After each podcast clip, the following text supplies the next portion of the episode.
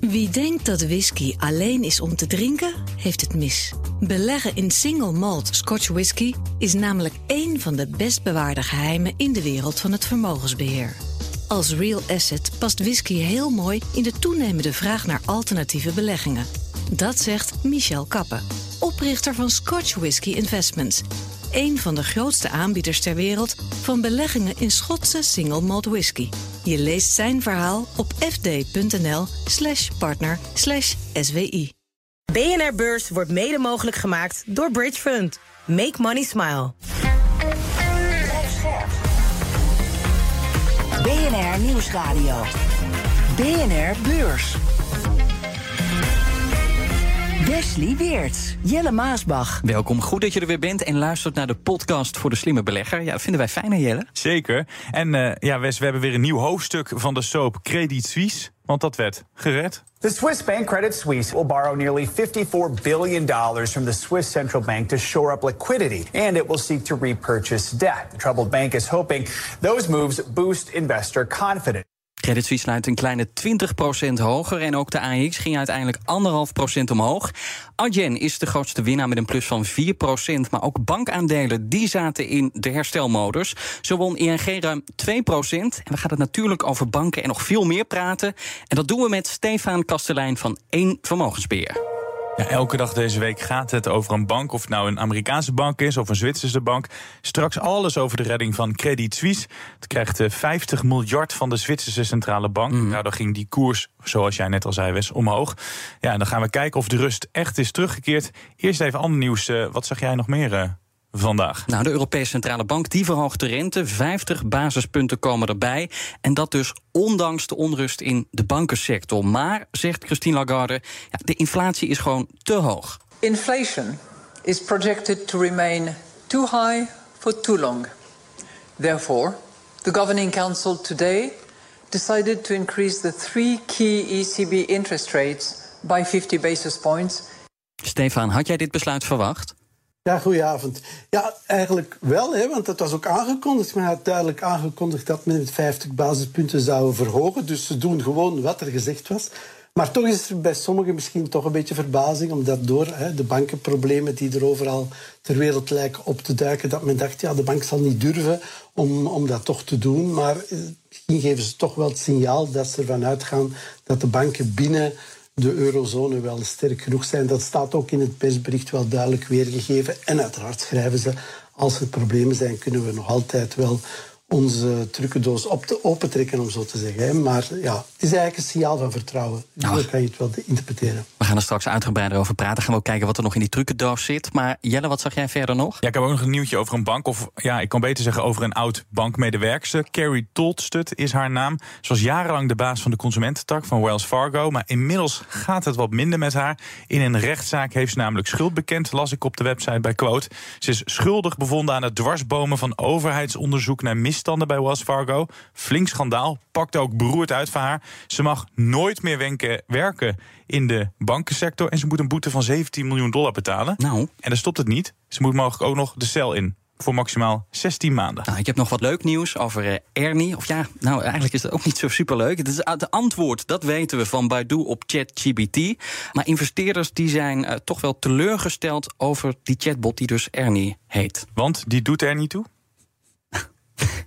Nee, dit, nee, die doet er niet toe, inderdaad. Nou, ze zijn teleurgesteld in de presentatie. Eh, ze hadden iets heel tofs verwacht. Een mooie demonstratie van alles wat die chatbot kon.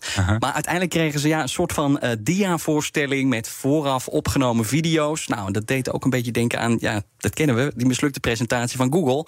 Ook van die uh, chatbot. Ja, en toen ging moederbedrijf Alphabet kaart naar beneden. Was dat ook het geval bij die beurskoers van Baidu? Ja, dat was hier ook. Koers ging meer dan 6% naar beneden. Terwijl China dus hoopt om ook echt mee te doen in dat AI-geweld.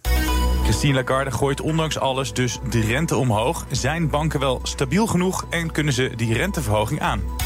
Nou, dat hoor je zo. Maar eerst de redding van Credit Suisse. De afgelopen maanden trokken klanten hun geld terug na een reeks schandalen. Ze hadden geen vertrouwen meer in de bank. En deze week kwamen er nieuwe misstanden aan het licht. Hè. De boekhouding die niet op orde was.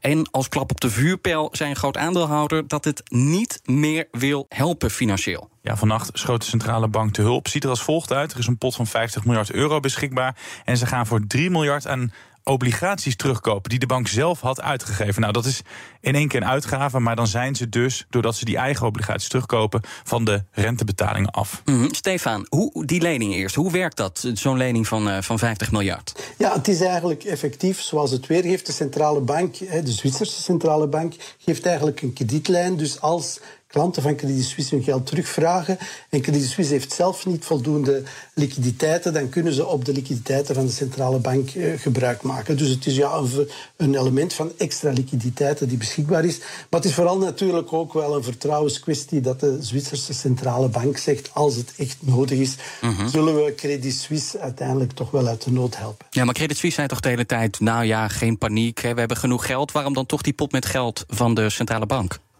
Ja, natuurlijk zeggen banken altijd wel. Uh, nu, Credit Suisse misschien inderdaad heel slecht gemanaged. Heeft de laatste vijf kwartalen altijd verlies gemaakt. Is zelfs een kwartaal bij met 4 miljard Zwitsers frank verlies. Dus heel slecht gemanaged, heel veel schandalen. Maar dan moet wel gezegd worden dat eigenlijk de kapitaalbasis ten opzichte van de van de balans toch nog altijd vrij goed is, met 14 procent. En dat de bij grootste liquiditeitsratio toch ook nog altijd zeer hoog is. Die is 150 procent ten opzichte van 100 procent die geëist wordt. Dus ze zaten effectief toch nog wel niet in de problemen. Ik denk dat men eigenlijk onmiddellijk uh, duidelijk signaal heeft willen geven. We gaan het ook geen probleem laten worden. Dus ja, ik denk dat we dat wel als een zeer sterk uh, teken van vertrouwen mogen zien. Stefan, eh, Wesley en ik zaten naar de persbericht te kijken. En toen stond er dat geld gaan we gebruiken om de organisatie simpeler te maken. Nou, ik snap niet zoveel van die uitleg. Wat gaan ze precies met dat geld doen? Ja, oké, dat kan ik je ook niet zomaar vertellen. En ik kijk er ook met verbazing naar. Ik heb oh, in een vroeger verleden ooit bij, bij UBS gewerkt. En ja, in Zwitserland zegt men altijd, we moeten de banken heel streng controleren, want dat is toch ons merk van Zwitserland. Hè. En wij moeten goede banken hebben, dat is toch zo belangrijk. Dus het is eigenlijk niet, niet te geloven dat men het bij Credit Suisse zo heeft laten verkeerd lopen langs allerlei manieren. Hè. Dus ja, ik denk betere controle, betere structuur. Credit Suisse heeft vorig jaar bijna 200 miljard Zwitserse frank aan assets verloren. Gedeeld is natuurlijk de markt, de beurs die gedaald is, maar toch ook een 100 miljard outflow. Ja, dat is natuurlijk wel, uh, wel behoorlijk dramatisch. Maar zoals gezegd, er is wel liquiditeit. Er is nu de extra liquiditeit van de, van de Zwitserse Centrale Bank. Dus we gaan hier geen failure meemaken. En een grappig gegeven dat je dus bij de grote concurrent UBS hebt gewerkt. Hoe, hoe kijken jouw oud-collega's ernaar? Zijn ze daar te gniffelen op eh, kantoor dat het zo slecht gaat met Credit Suisse? Ja, misschien inderdaad. In, in Zurich zijn die beide hoofdkantoren tegenover elkaar in de paradeplaats. En je kan eigenlijk van het ene in het ander kijken. Er is altijd een enorme rivaliteit geweest. Dus ja, ik neem aan van, van wel dat men daar wel met een zekere... Ja, alhoewel, het is toch niet goed voor het imago van Zwitserland. Hè, dus ik denk niet dat ze echt blij zijn, hoor. Nou is er in dit verhaal ook een rol weggelegd, een hoofdrol voor die uh, Nationale Bank van Saoedi-Arabië. Want de beurskoers die kelderde gisteren nadat die groot aandeelhouder zei: Nou, we willen niet meer investeren. En die zeggen nu: nou, het valt allemaal wel mee bij Credit Suisse. Unfortunately, a lot of people were just looking for excuses to, you know, uh, it's it's panic, uh, a little bit of panic. I believe completely unwarranted, whether it be for Credit Suisse or for the entire market. Uh, we did have a failure last week, but that's nowhere nothing to do with what we saw in 2008. This is just one isolated incident. De onrust was volledig ongegrond, zegt de voorzitter. Ben je het daarmee eens, Stefan? Ja, ik ben het er toch wel mee eens dat Credit Suisse niet, eh, zoals de Silicon Valley Bank, er dreigt om te vallen. Dus ik denk, ik ben het daar wel mee eens. Je zou natuurlijk kunnen zeggen, het is wel vreemd dat hij dan zo, zo stellig gezegd heeft, we gaan niet investeren. En daarmee juist die beursdaling heeft Precies. teweeggebracht. Ja, die beweegreden kan ik om eerlijk zijn eigenlijk ook niet zo goed begrijpen. Dat heeft hij niet zo goed aangepakt, toch?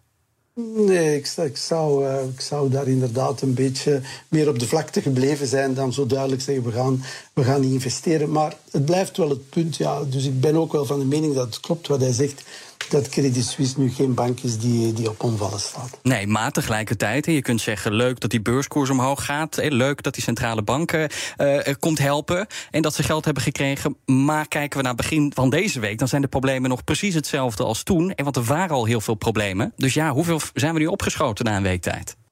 Ja, ik denk niet dat we op zich opgeschoten zijn... maar ik denk wel dat we eh, dat we wat, als we nu kijken naar, naar de eurozone en de banken in de euro, eurozone, dat de ECB inderdaad gedurfd heeft om de rente te verhogen en een mhm. duidelijk signaal heeft gegeven. Wij geloven dat onze banken inderdaad er beter voor staan. En ja, dat, dat klopt naar mijn mening wel. Hè. Dus voor zover we dat allemaal kunnen inschatten. Hè, want banken zijn altijd een beetje black boxes. Je moet altijd wel met twee woorden spreken. Maar denk je dat het toch wel mogen aannemen dat dat klopt. Hè? We zijn hier niet aan de bankencrisis 2.0 bezig. Zou je het aandurven nu om dit aandeel te kopen? Ja, kijk, ik moet eerlijk zeggen, wij hebben bij Vermogensbeheer geen enkel bankaandeel in portefeuille, omdat het inderdaad wel een beetje black boxes zijn. Hè? Dus het is heel moeilijk om het. Dus er zijn heel wat interessantere aandelen dan dat. Maar als de vraag is van gaan we hier die failures hebben, uh, riskeert het financieel systeem echt onder druk te komen, dat denken wij niet, nee. En deze bank, blijft deze nog wel aan het infuus van de centrale bank zitten? Of kunnen ze er weer vanaf? Ja, ik denk wel dat ze veiligheidshalve aan het diffuus zullen blijven. Dat dat ook signaal is dat men heeft willen geven. In die end het is een beetje een soort whatever it takes moment, zoals we het in Europa ook gehad heeft. Dus ja, ik denk dat de Zwitserse centrale bank dat heeft willen aangeven, whatever it takes. We gaan ervoor zorgen dat dat, uh, dat Credit Suisse blijft drijven. Dat is de boodschap die gegeven wordt. Dus ja, dan kan je dat beter veiligheidshalve wel behouden. Nou, Stefan, ik had het net over die andere problemen nog. Hè, want we hebben het de hele tijd over die beleggers.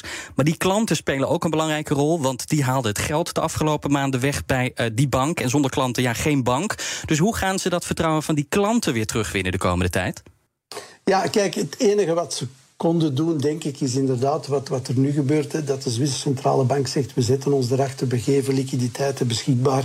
En dat, dat zal de voornamelijkste factor zijn. Ja, en dan hopelijk kan die bank eh, dan toch eens slagen om winst te maken. Want dat is natuurlijk ook een beetje de ironie. Ze hebben veel banken op zich zijn nu wel relatief rendabel. Als je kijkt naar BNP Paribas, ING, noem maar op. Veel banken zijn wel rendabel.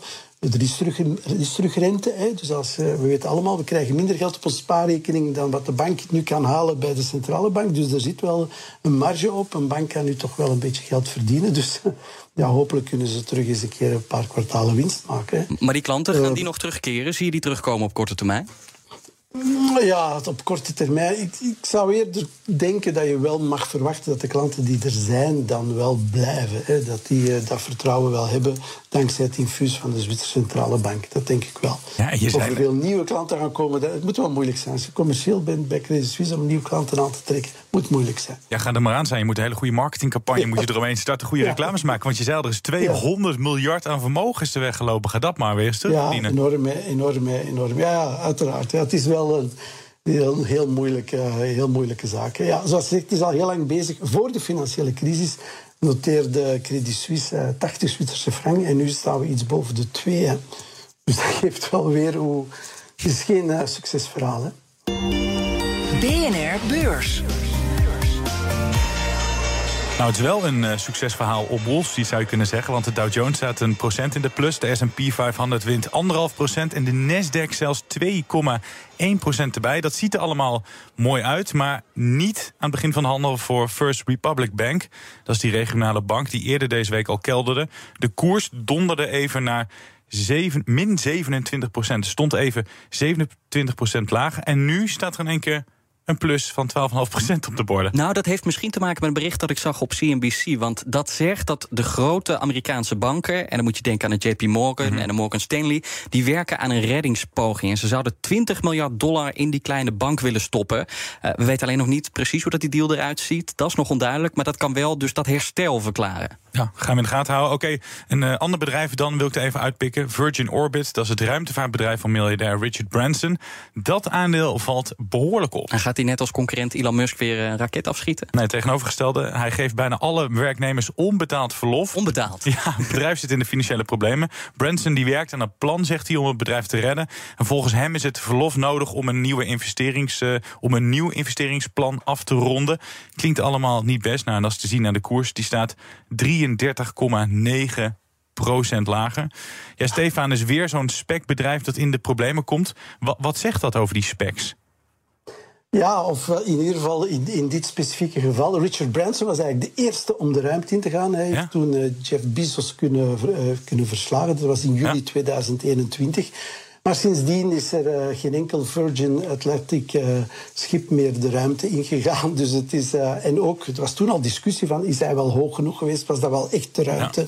Zijn alle veiligheidsmaatregelen weergegeven? Dus ja, het geeft eigenlijk vooral weer, denk ik, dat het, ja, je moet oppassen met zo'n halve fata morgana's van miljardairs. Hè, van, om echt op een efficiënte, winstgevende manier naar de ruimte te kunnen vliegen. Ja, het zou misschien toch voorlopig nog wel een droom kunnen blijken. Hè. Nou, ik heb een aandeel dat het in ieder geval een stuk beter doet dan dit. Aandeel Snap staat uh, ruim 7% hoger. En je kunt zeggen, de een zijn dood is de ander zijn brood. Want concurrent TikTok wordt mogelijk verboden in de VS. Ja. En daar zijn die snapbeleggers dan heel erg blij mee, getuigen die beurskoers. Uh, Stefan, Amerika helpt dus gewoon de eigen social media bedrijf hiermee. Wat vind je daarvan? Ja, wat vind ik ervan? Het is wel iets dat we jammer genoeg wel af en toe tegenkomen. We kunnen allemaal ideeën hebben van eh, bedrijven die medicijn wilden goedgekeurd krijgen in, in de VS. En dat ze als Europees bedrijf moeilijker dan als Amerikaans. En er zijn nog andere voorbeelden. Dus ja, zeker protectionisme is de Amerikanen zeker niet vreemd. Ook al denk ik dat we toch wel mogen aannemen dat hun vrees voor TikTok toch wel echt gebaseerd is op het feit dat ze vrezen dat dat kan gebruikt worden voor spionage en dergelijke meer. Dat men niet aan dit verhaal nu begonnen is om Snap nu speciaal te, te bevoordelen. Maar misschien dat sommigen wel denken, dat is ook wel meegenomen natuurlijk. BNR Beurs. Dan naar Frankfurt, naar de machtigste vrouw van de financiële wereld, Christine Lagarde, die samen met haar centrale bankiers kwam met het rentebesluit. Twee kwartjes erbij, 50 basispunten. De rente gaat nu naar 3% Ze zwicht niet voor de paniek over banken. Ja, Stefan, heeft ze hier goed aan gedaan om die rente te verhogen? Ja, ik denk wel dat het toch wel een krachtig signaal is. Men had op voorhand gezegd dat men, ging, dat men een halve procent zou verhogen. En men doet het ook. Hè. Dan kan men zeggen, we zijn wel consistent. In het nieuwsbericht zegt men, ja, de, de strijd tegen inflatie is nu eenmaal onze basisdoel. En inflatie is nog steeds te hoog. Alhoewel men ook wel weergeeft, die is toch wel aan het dalen. Vooral de energiecomponent valt mee, staat ook in het persbericht.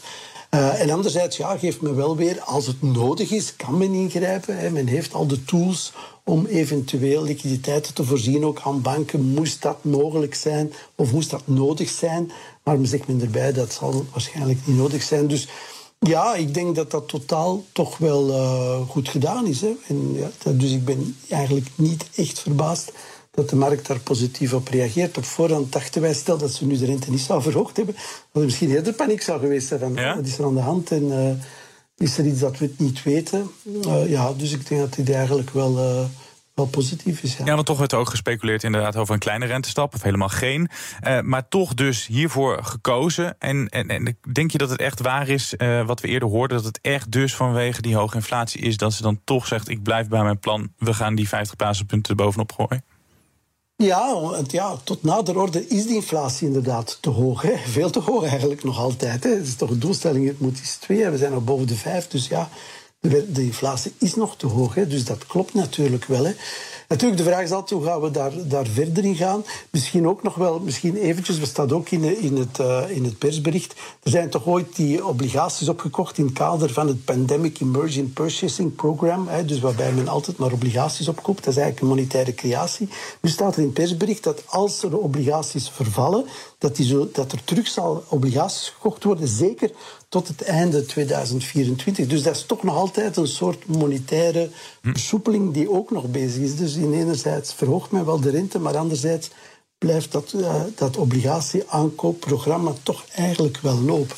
Dus het is uh, ja, het, uh, op dat gebied misschien iets soepelder dan het op het eerste zicht lijkt. Maar Stefan, jij zegt dus juist doordat ze gewoon die renteverhoging heeft doorgezet, zorgt dat voor, uh, voor kalmte op de, op de markt. Omdat je anders gaat denken, ja, wat speelt er nog meer? Tegelijkertijd, ze heeft natuurlijk ook een persconferentie gegeven. Hoe waren haar woorden? Kalmeerden ze daar ook een klein beetje de markten mee? Ja, ik denk dat ze, bon, dat ze inderdaad erg vertrouwensvol overkwam. Hè. Dus in ieder geval, als de doelstelling, en dat is zeker de doelstelling geweest om het vertrouwen te wekken van we gingen de rente met een halve procent verhogen, we hebben het gedaan, we are on track, we gaan die inflatie bestrijden, we zien ook het einde daarvan toch wel komen. Mm uh, en we zijn eigenlijk vertrouwensvol van onze financiële instellingen. Niet dat ze dat nu gezegd hebben, maar Chris nee. is uiteindelijk Zwitser, hè, valt niet onder de eurozone, zo van onze financiële instellingen zijn gezond. En, en ja, dat, nou, dat is wel een belangrijk punt dat je. Wel uitgestraald, ja. dat, nou, dat is wel een belangrijk punt dat je nog aansnijdt. Want we zagen in de VS de keerzijde. Hè, want daar werd de rente hard verhoogd. En banken kwamen daardoor in de problemen. Um, maar eigenlijk zeggen ze, die ongelukken die kunnen hier niet gebeuren in Europa. Ja, of laten we zeggen, het lijkt wel vertrouwensvol dat dat niet zo is. Uh, en ja, ik denk dat toch wel inderdaad gelukkig dat we op dit moment toch geen indicaties hebben dat er een bank binnen de eurozone eigenlijk in het probleem zit. Dus tot nader order. Gelukkig maar. In de VS en in China en in, in, in, in, in Zwitserland. maar niet in, in de eurozone. Ja, ze zegt ook nog, uh, we staan klaar om te reageren op de onrust als die er komt. Wat moet ik me daarbij voorstellen, wat de ECB dan gaat of kan doen? Die trucendoos. Ja, die trucendoos. Waar die ja, de trucendoos is eigenlijk dezelfde wat nu de Zwitserse bank doet. Zij kunnen ook liquiditeiten verschaffen aan de bank. Ze kunnen terug obligaties beginnen kopen. Hè. Dus buiten dat, zoals ik zeg, dat ze dit speciale programma eigenlijk verlengen of min of meer laten lopen. Maar ze kunnen, zouden ook nieuwe programma's kunnen eh, inroepen. Ze zouden eventueel zelfs programma's speciaal kunnen maken om obligaties van banken te kopen. Hè. De, de centrale bank kan theoretisch oneindig blijven actie ondernemen. Hè. Dus, uh, dus dat zouden ze zeker kunnen doen. Maar ik denk dat het signaal nu is, dat is niet nodig. Hè. We are on track. Uh, en we hebben het onder controle. Nog even heel kort, want je had het net al over die volgende renteverhoging in de toekomst. Wat kunnen we nog verwachten? Ja, kijk, de, er wordt eigenlijk wel verwacht dat we minstens nog wel een halve procent erbij krijgen. We zijn nu aan drie. 3,5, dat, uh, daar houdt de markt toch wel zeker rekening mee. Wat me wel opvalt, in de VS bijvoorbeeld, zijn de, de forwards gaan er nu al vanuit dat de rente in de VS binnen een jaar een procent lager zal zijn dan nu. Ook al gaat men er nog wel vanuit dat, dat de Fed toch de rente ook nog een kwart zal verhogen. Hè? Dus dat komt er nog wel aan. Maar daarna, binnen een jaar, zou de rente in de VS al terug een procent lager zijn. Dat zijn tenminste de forwards die nu op in, de, in de markt zitten.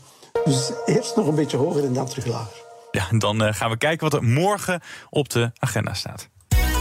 Kopers opgelet. Geen huis- of kantoorpand, maar twee Amerikaanse banken die in de etalage staan. Ze hebben wat probleempjes gehad, gingen bijna ten onder, moeten wat opgepoetst worden. Maar bij een goed bod kun je ze kopen.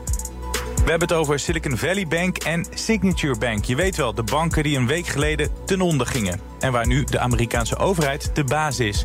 Die wil er weer vanaf en zoekt volgens persbureau Reuters een nieuwe eigenaar. Wat de banken moeten kosten en of er nog andere verborgen gebreken zijn, dat is niet bekend. De deadline voor biedingen loopt vandaag af, dus sla ik heb net een huis gekocht, dus uh, ik kan dat niet doen, uh, Wes. Helaas, ik ook niet. Uh, dit was hem. Dankjewel, Stefan Kastelein van Eén Vermogensbeheer. Ja, we hopen je de volgende keer bij ons in de studio te Ja, lijkt me heel leuk. Kom hier naartoe. Ja, oké. Okay. dat doen we, dat doen we. En we sluiten natuurlijk af met een tip uit het boekje van Corné van Zel. Niet ingesproken door Corné. En deze tip is voor jou, Jelle. Oh. Je hoeft geen genie te zijn om goed te beleggen. Thanks. Tot morgen. Tot morgen. BNR Beurs wordt mede mogelijk gemaakt door Bridge Fund. Make money smile. Wie denkt dat whisky alleen is om te drinken, heeft het mis. Beleggen in single malt Scotch whisky is namelijk één van de best bewaarde geheimen in de wereld van het vermogensbeheer. Als real asset past whisky heel mooi in de toenemende vraag naar alternatieve beleggingen. Dat zegt Michel Kappen, oprichter van Scotch Whisky Investments een van de grootste aanbieders ter wereld van beleggingen in Schotse single malt whisky. Je leest zijn verhaal op fd.nl/partner/swi.